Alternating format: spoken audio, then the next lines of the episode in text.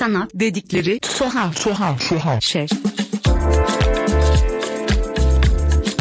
Herkese merhaba. Sanat dedikleri tuhaf şeyin yeni bölümüne hoş geldiniz. Bugün konuğum Ertuğrul Akgüz ve onunla yeni sergisi Eden Bulur üzerine birlikte konuşacağız. Ertuğrul merhaba nasılsın? İyiyim. Sen nasılsın? Ben de iyiyim. Şimdi sergiyi biraz seninle konuşacağız ama e, biz şu anda aynı zamanda serginin yapıldığı Piramit Sanat'ın e, ikinci katındayız ve karşılıklı oturduk. E, sergi hakkında ne konuşabileceğimizi e, planlamadan belki de buraya başladık ama aslında bu sergiyi biz seninle çok öncesinden e, neredeyse planlamıştık. Serginin adı bu değildi belki ama e, bütün bu yapacağın şeyleri daha öncesinde konuşmuştuk. Oradan buraya gelirken o süreç nasıl geçti senin için? Sen ondan sonrasında nasıl ilerlettin de bu sergiye bu adla çıkma fikrine ulaştın? Aslında bu adla çıkma fikri e, şeyden hani serginin konusuyla alakalı e, gidiyor. Şöyle ilk başta e, hani o doğanın geri alması üstüne bir şeyler kurmuştum zaten. Sadece hani keçi bir isim gerekiyordu. Basçı bir arkadaşımla konuştuğumuzda onun e, söylediği bir şeydi bu. E, isim direkt oradan çıktı. E, daha sonra konseptle direkt uyumlu olduğu için bunu kullanmak istedim.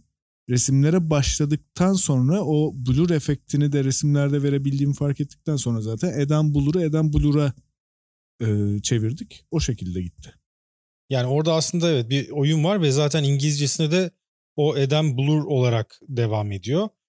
Ee, bunu İngilizce'de bu şekilde kullanmak istemenin arkasında tabii ki bir hani Eden, Eden, o e, cennet bahçesi fikri de var.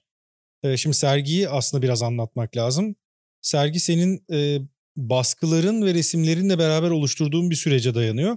Ama bütün bu sürecin arkasında bu sergide sergilediğin eserlerin tamamı Çernobil'le bağlantılı ve senin orada yaşadıklarına bağlantılı bir sürecin devamı. Bu e, Çernobil'de yaşadığın şey neydi başta onu bir konuşalım. Ondan sonra e, orada yaşadığın bu işte doğanın geri alması olarak söylediğin yere odaklanırız. Çernobil kısmı tamamen tesadüf. Ee, İngiltere'ye uçak bileti bakarken Çernobil turu reklamını görüp e, aa böyle bir şey mi varmış diye hani bir anda karar verip gittiğim bir şeydi. Giderken aslında daha doğrusu sergi fikri daha doğrusu konsept zaten kafamda vardı. Ama Çernobil'e gidiş amacım o değildi. Çernobil'i görmekti sadece. Gördüğümde ee, şu oldu aslında o konseptle de uyuşuyor ve şey durum var hani o doğanın geri almasını e, çok daha iyi görüyorsun. Çünkü atıyorum herhangi bir standart bir felaketten sonraki geri alma değil. Hani insan etkisi çıktıktan sonra doğa yavaş yavaş yavaş yavaş onu geri alıyor. Hani net onu görüyorsun. Bir de tabii atıyorum 30 senedir terk edilmiş işte e, radyoaktif bir alan geziyorsun. Hani onun sende yarattığı duygular da başka oluyor haliyle. Ve hani ciddi bir yalnızlık hissediyorsun orada. Acayip bir huzur var. Hani o e, başlatmıştı. Zaten resimlere de e, onu yansıtmaya çalıştım. Yansıdı da. Ya orada yaşadığın şey biraz da aslında tuhaf bir durum. Yani tabii ben oraya gitmediğim için senin yaşadığın şeyi ancak tahmin edebiliyorum. Ama Çernobil ve o Pripyat bölgesine gidip oradaki bütün o terk edilmişliği, insandan arınmışlığı görmek e, biraz korkutucu geliyor bana. Sen orada ne hissettin?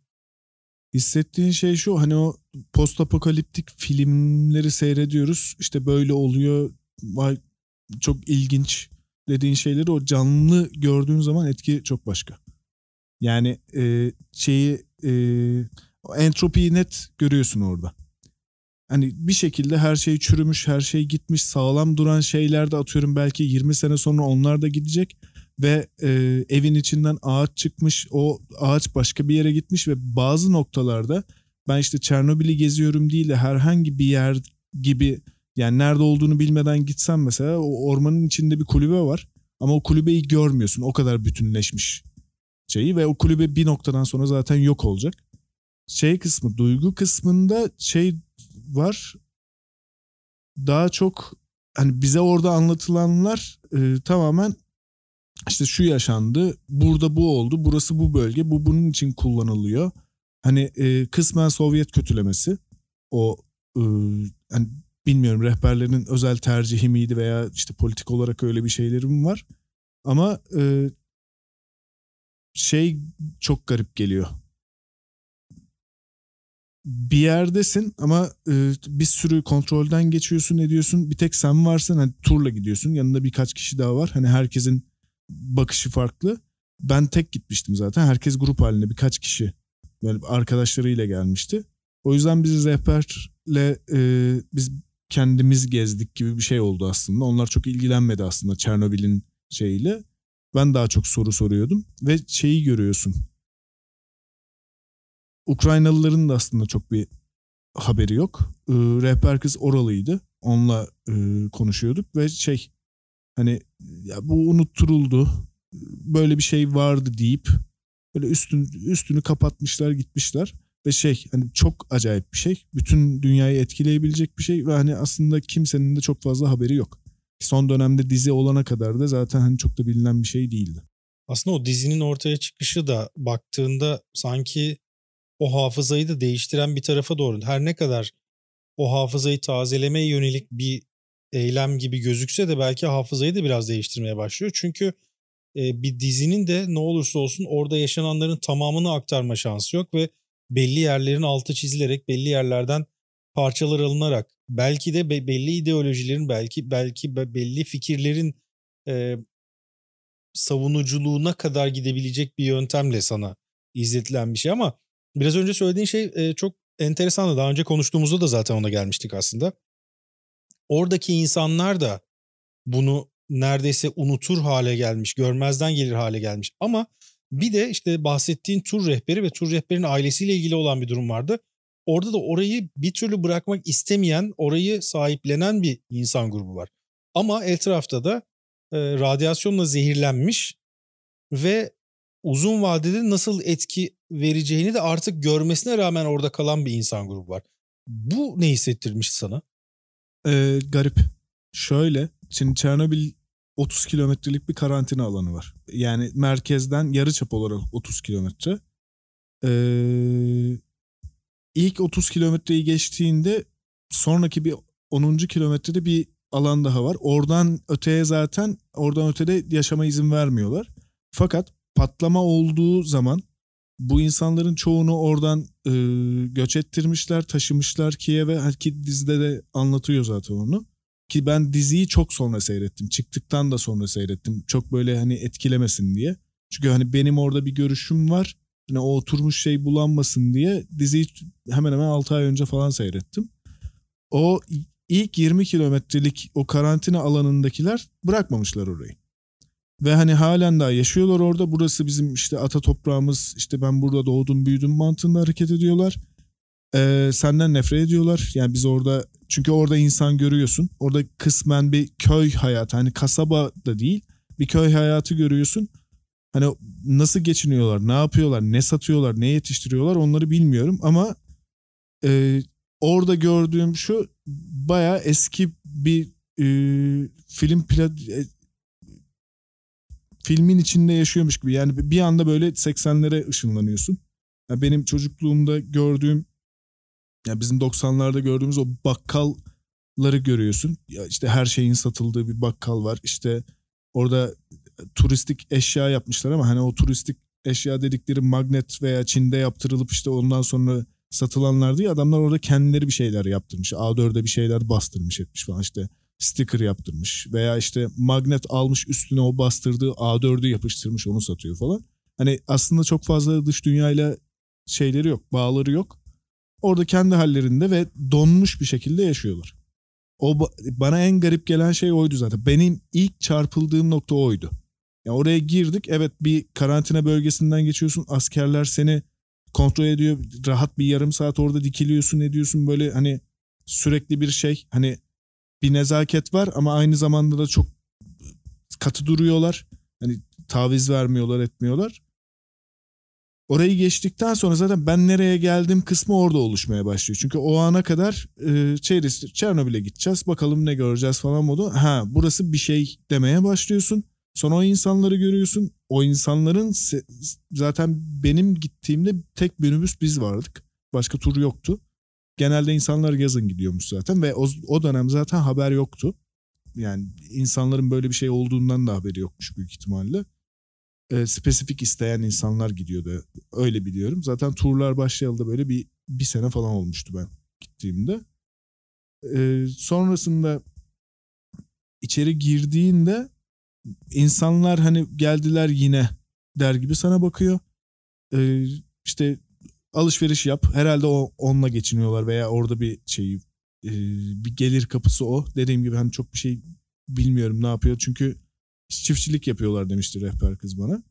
Ama yani hani orada ne yetişir? Öyle bir durum var. Veya hani orada yetişen şeyi kime satıyorlar? Hani bunlar Çernobil domatesi e, buyurun diye satabilecekleri bir şey değil çünkü. Hani kimse almaz. Bilmiyorum. E, yani en garip gelen kısım oradaki o zamanın durmasıydı. Ki asıl zamanın ha şöyle orada insanlar yaşadığı için zaman duruyor ama çürüme yok. Sadece 80'lerde orada hayat durmuş ve 80'lerden öteye geçmemiş. Hani arabalarından işte yoluna, tabelasına, evlerine, insanların kıyafetlerine her şey aynı duruyor. Diğer 10 kilometrelik asıl e, Çernobil denen daha doğrusu Pripyat'ın olduğu kısma geçtiğinde orada o çürümeyi de görmeye başlıyorsun. Orada çünkü kesinlikle insan insan yaşamına izin verilmiyor. Oraya giriş yasak. Yani diğer kısma da yasak da biraz daha kontrollü bir şekilde geçebiliyorsun ama 10 kilometrelik kısımda giriş kesinlikle yasak. Zaten ondan sonra insana dair çok fazla bir şey görmüyorsun. Yollar var. İşte yoldan gidiyorsun. Etrafında hiç ne bir ayak izi ne bir şey. Hani her şeyin üstü karla kap, kaplanmış bir sürü şey yıkılmış, paslanmış ve hani orada anlıyorsun durumu ve halen daha radyasyonu görmeden veya hani o radyoaktif bir yerdeyimi hissetmeden yani reaktör reaktör değil baya ya terk edilmiş bir dünya görüyorum ben oluyor. Orada zaten şey bende daha çok canlanmıştı. O zamanın e, durmuş olması ve artık çürümenin de başladığı noktaya o geçişi zaten hissediyorsun iki bölüm arasında. Orada dediğim gibi daha radyoaktivite fikri veya hani radyasyonun e, ne yaptığı, ne ettiği işte hani orada bir nükleer santralin çekirdeği patladığı düşünmeden çürürken bir yandan böyle yaklaştıkça iyice böyle hani ağaçların böyle evlerin içinden çıktığını görüyorsun.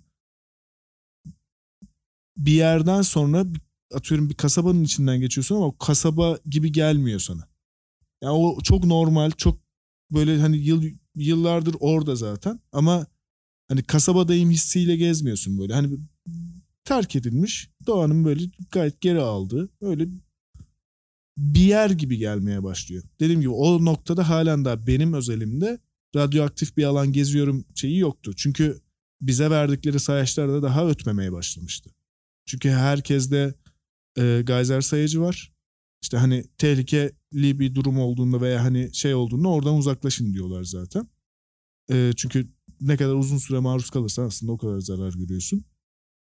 Geyser sayaçları hemen hemen büyük ihtimalle bir 5 kilometre kalan falan artık böyle bir ha geldik ötmeye başladık diyorsun zaten. Çünkü rehberler de söylüyordu işte hani şuna dikkat edin hiçbir şeye dokunmayın hiçbir şey almayın hiçbir şey götürmeye çalışmayın. Çünkü neyin ne olduğu belli değil. Zaten çıkışta da kontrol ediliyor bunların hepsi. Öyle bir şey vardı. Peki orada şu var. Ya sen bir de şunu anlatmıştın bana. Ee, orada sadece gördüklerin değil yani dış dünyadan gelen insanların da tırnak içinde dış, dış dünya diyorum. Oradaki dünyaya ait olmayarak dışarıdan gelen insanların davranışlarında gözlemlediğinde bir katman vardı. Yani o turda seninle beraber oraya gelip e, etrafı gören insanların içinde sana çok garip gelen davranışlar var ve aslında belki biraz senin bu seriye çıkmandaki e, nedeni veren şeylerden bir tanesi de bu. Şöyle biz hemen hemen 10 kişi falandık. Yani minibüste tam dolu değildi. Ee, ben hayretler içindeyim. Böyle geziyorum ediyorum. Hani ben sürekli vay anasını durumunda geziyorken e, İspanyol bir grup tamamen e, partileme modunda. İşte karlarla falan oynuyorlar şey yapıyorlar. Yani hani rehber bir şey anlatıyor. Bunlar bakmıyor. E, başka bir e, iki işte sevgili vardı bir çift vardı. Onlar mesela e, bayağı öpüşmeler koklaşmalar. Hani hiçbir şekilde rehberin anlattıklarıyla ilgilenilmiyor edilmiyor. E, bir bir grup vardı. Onlar bazen ilgileniyor, bazen ilgilenmiyor. Onlar daha çok şey büyük ihtimalle Instagram fotoğraf fotoğrafı çekmek için geldiler oraya. Ee, bir yerde zaten şey oldu. Biz ilk başta rehber böyle bir toplu anlatıyorken e, olay tamamen şeye döndü. Biz rehberle önden sohbet ederek yürüyoruz. Onlar da hani bunlar nereye gidiyorsa bizim de oraya gitmemiz lazım der gibi bizi takip ediyorlardı. O şeye döndü. Ve şey hani burada çok büyük bir şey yaşanmış olarak büyük ihtimalle algıladıklarını düşünmüyorum ki şöyle bir durum var. Bilmiyorum belki hani farklı bir ruh halinde gitseydim veya farklı bir zamanda gitseydim ben de belki benzer bir mantıkta bakacaktım onlarla. Ya işte Çernobil'e geldik radyoaktif falan geziyoruz ne kadar havalı falan gibi bakacaktım.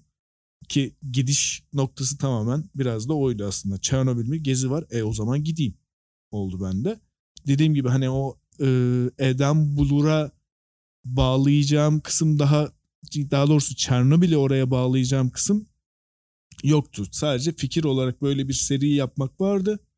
Ama Çernobil onlardan biri değildi ve gidiş amacım da bu değildi zaten. Ama oraya gittiğimde Eden Bulur'un tüm mantığının aslında e, Çernobil olduğunu fark ettim. Ondan sonra artık e, heh, oluşmaya başladı ve şöyle e, ben buranın resmini yapacağım diye baktım önce. Sonra yavaş yavaş burayı nasıl bu hissi nasıl aktarabilirim üstüne gitmeye başladım. Ya bu Çernobil'i gezerken oluyor bu arada. Hani e, özellikle bazı noktalarda ki o radar var biliyorsun. O acayip bir şey. Yani o şey çok anlatamıyorum onu ama çok yüksek ve e, nereden başlayıp bittiğini göremediğin böyle acayip azametli bir bina e, yapı bina değil de acayip azametli bir yapı ve şey böyle çok küçük hissediyorsun orada.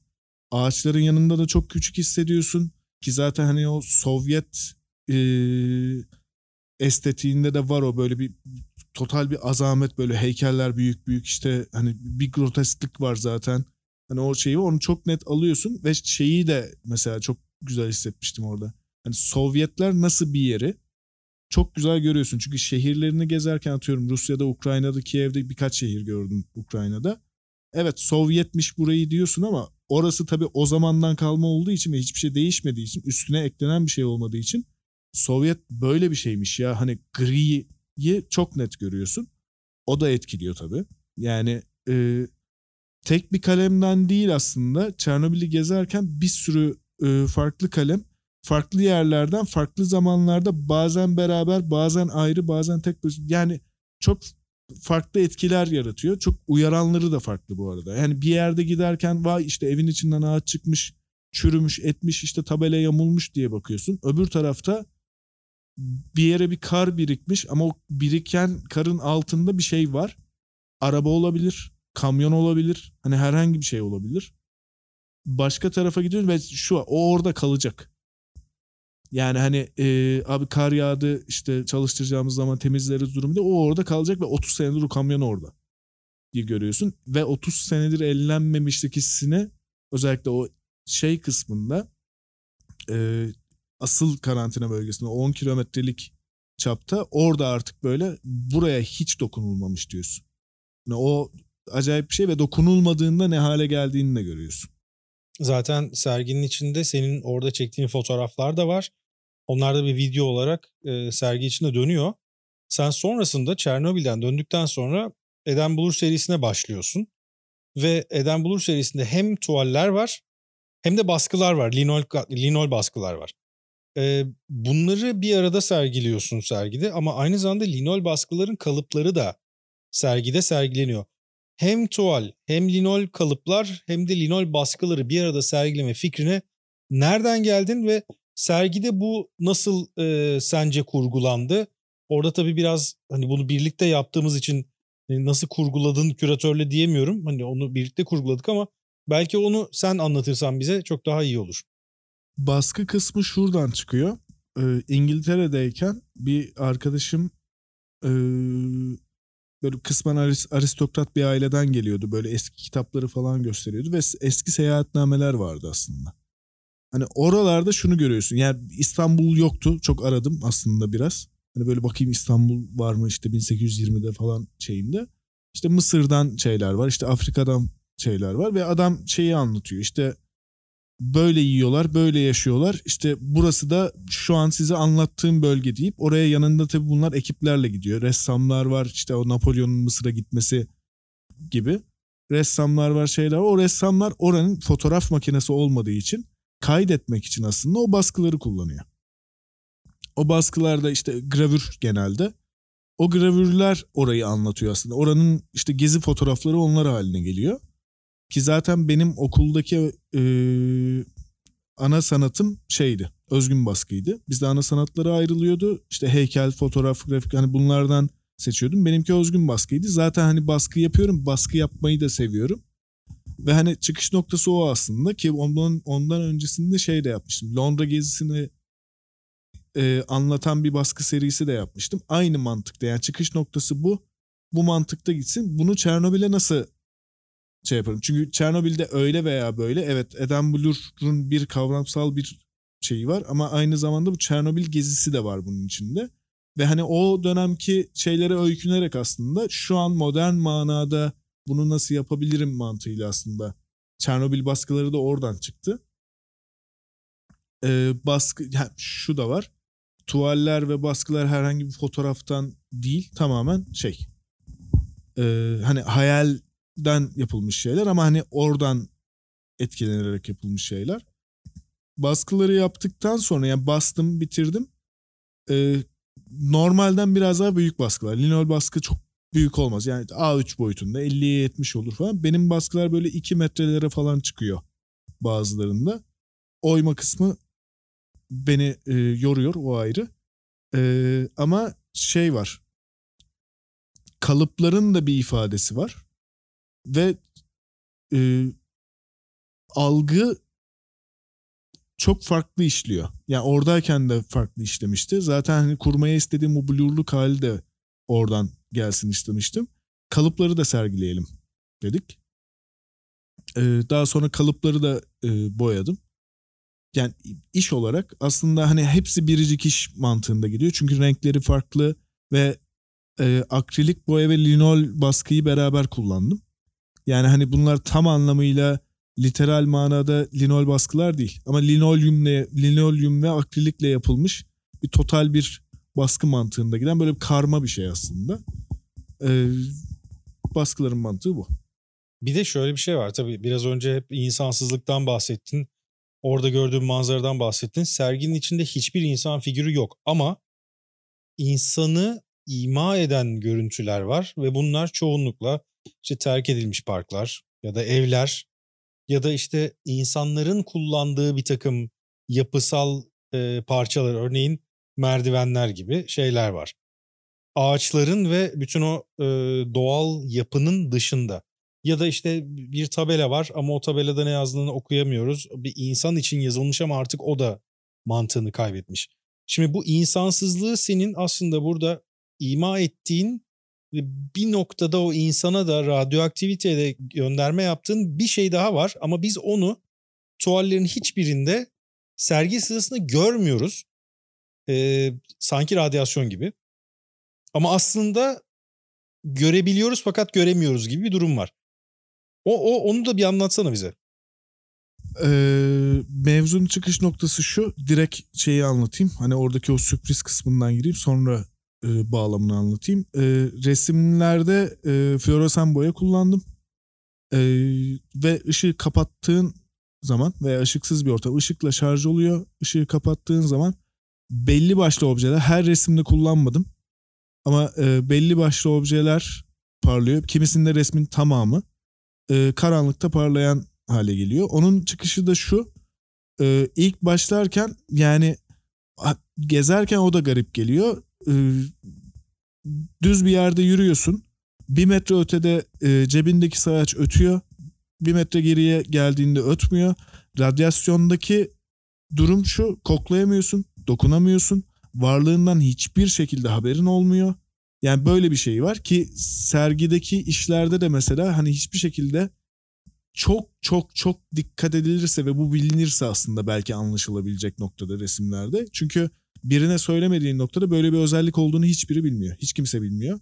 Ki e, bazı e, işlerde yani hiç tahmin edemeyeceğin yerlerden çıkıyor.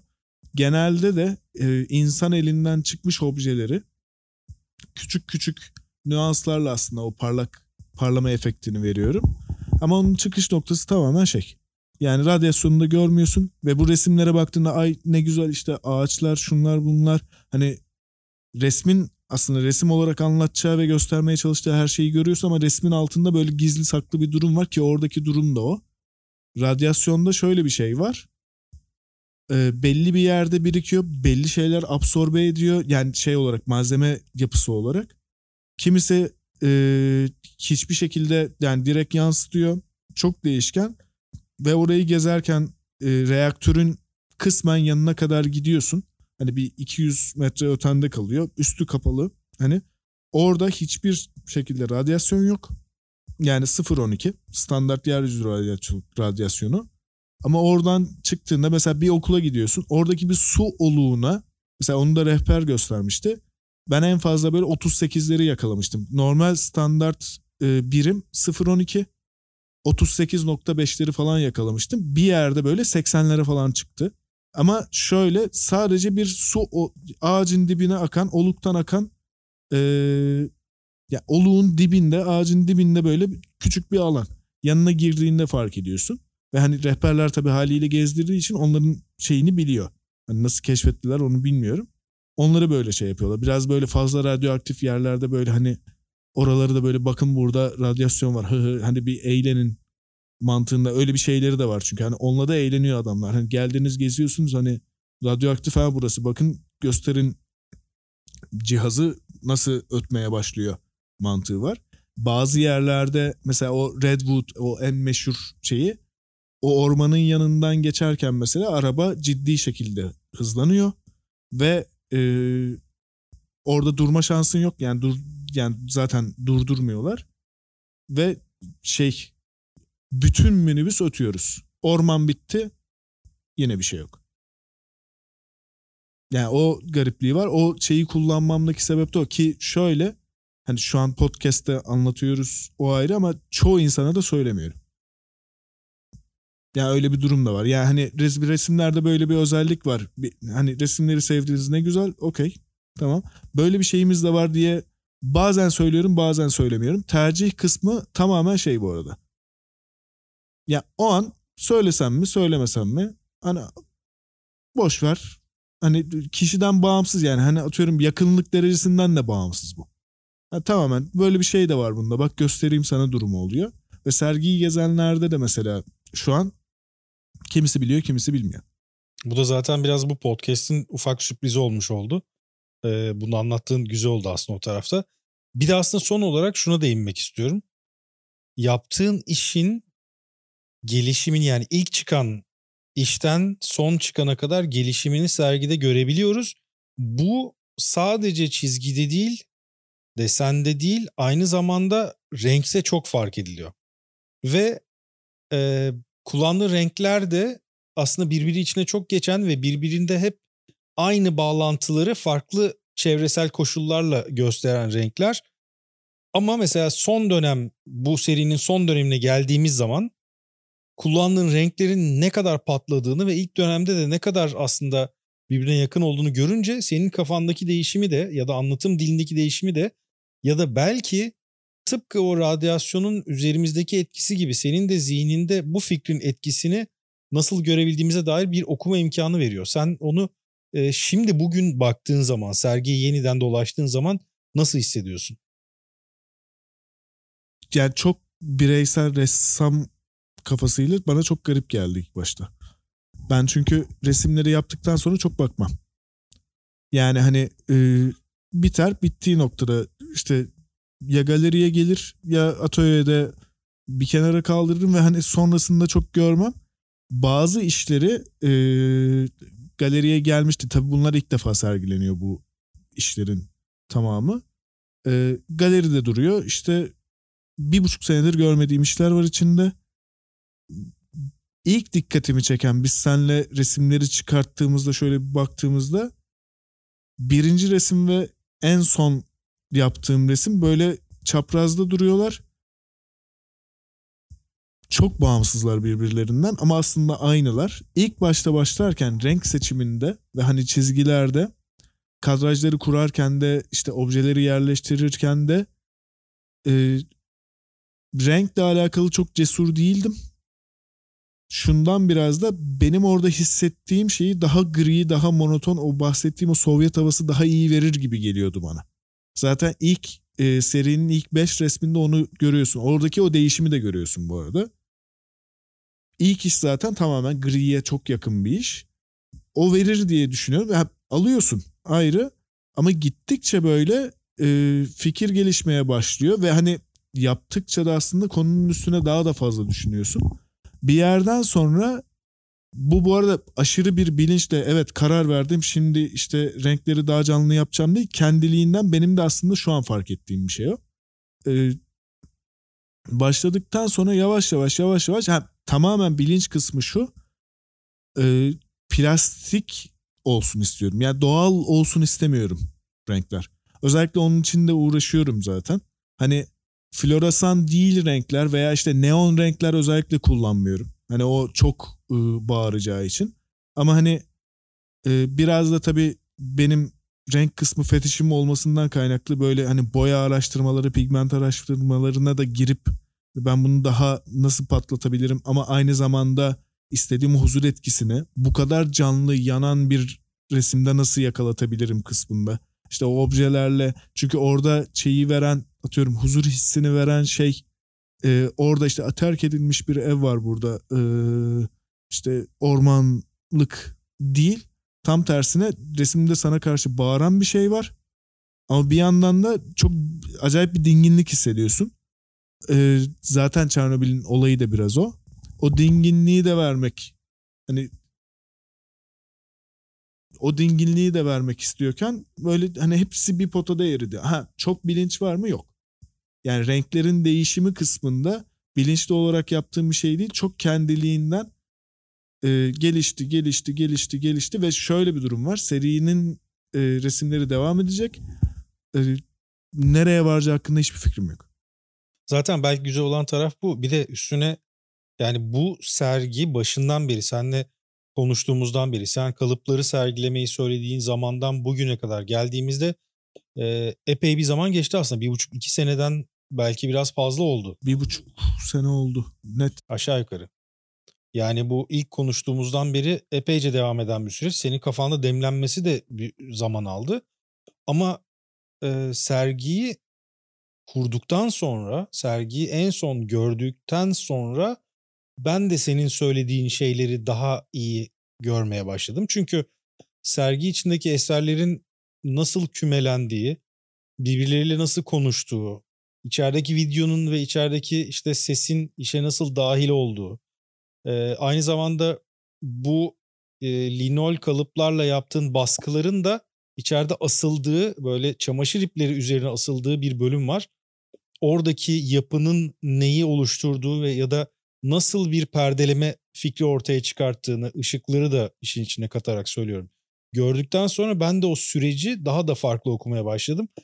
Ve sonuç olarak böyle enteresan bir noktaya çıktık. Ben e, çok keyif alarak yaptım bu sergiyi seninle ve iyi ki de zaten bu kadardır üzerine kafa yorarak yapmışız ki belki daha önceden bunu yapmış olsaydık bu etkiyi vermeyecekti gibi düşünüyorum. Ee, belki bunu söylemek en doğru şey olur. Doğru. Çünkü şeyde çıktı. Yani birçok şeyde aslında e, hepsi yani bendeki şeyi şu ben resimlerin hepsini bir arada görmeyeli çok olmuştu. İlk defa sergide aslında ben de seninle gördüm. Ve şey durumu var hani e, bir yerden sonra sana kaldı iş. Çünkü e, öyle veya böyle hani ben yaptım ettim kendimce ben bir sergi kurgusuyla yapmadım. Hepsi bir biricik. Evet bağlarını biliyorum işte renk geçişlerini biliyorum. Ama hani baskılar kısmında o baskıları asma o üstteki şeyler zaten senden çıktı. Hani ortak karar ama daha çok senden çıktı. Hani o o zaten benim hoşuma gitti. İplerden bahsediyoruz. Tabii. Bütün o tavandaki ip kurgusu, içerideki videolar falan yani e, sonuç olarak böyle Eden Bulur bütünlüklü bir sergiye doğru e, çıktı ve şu anda Piramit Sanat'ta aktif olarak izlenebilecek, e, gezilebilecek bir sergi. Ertuğrul çok teşekkürler. Çok böyle dolu dolu konuştuk. Aslında üzerine konuşacağımız çok şey var ama bu biraz da sanırım sergiyi gezip o deneyime girmekle anlaşılabilecek e, şeyler. Biraz da izleyicinin e, deneyimine bırakmak lazım. Çok da fazla didiklemeden zaten bir sürprizi de aslında ufak ufak burada söylemiş olduk o floresanlarla beraber. Belki o da vereceğimiz tek sürpriz olarak devam eder. Teşekkür ettim.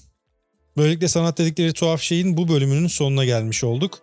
Gelecek hafta yeni bir programda yeniden buluşmak üzere. Herkese hoşçakalın.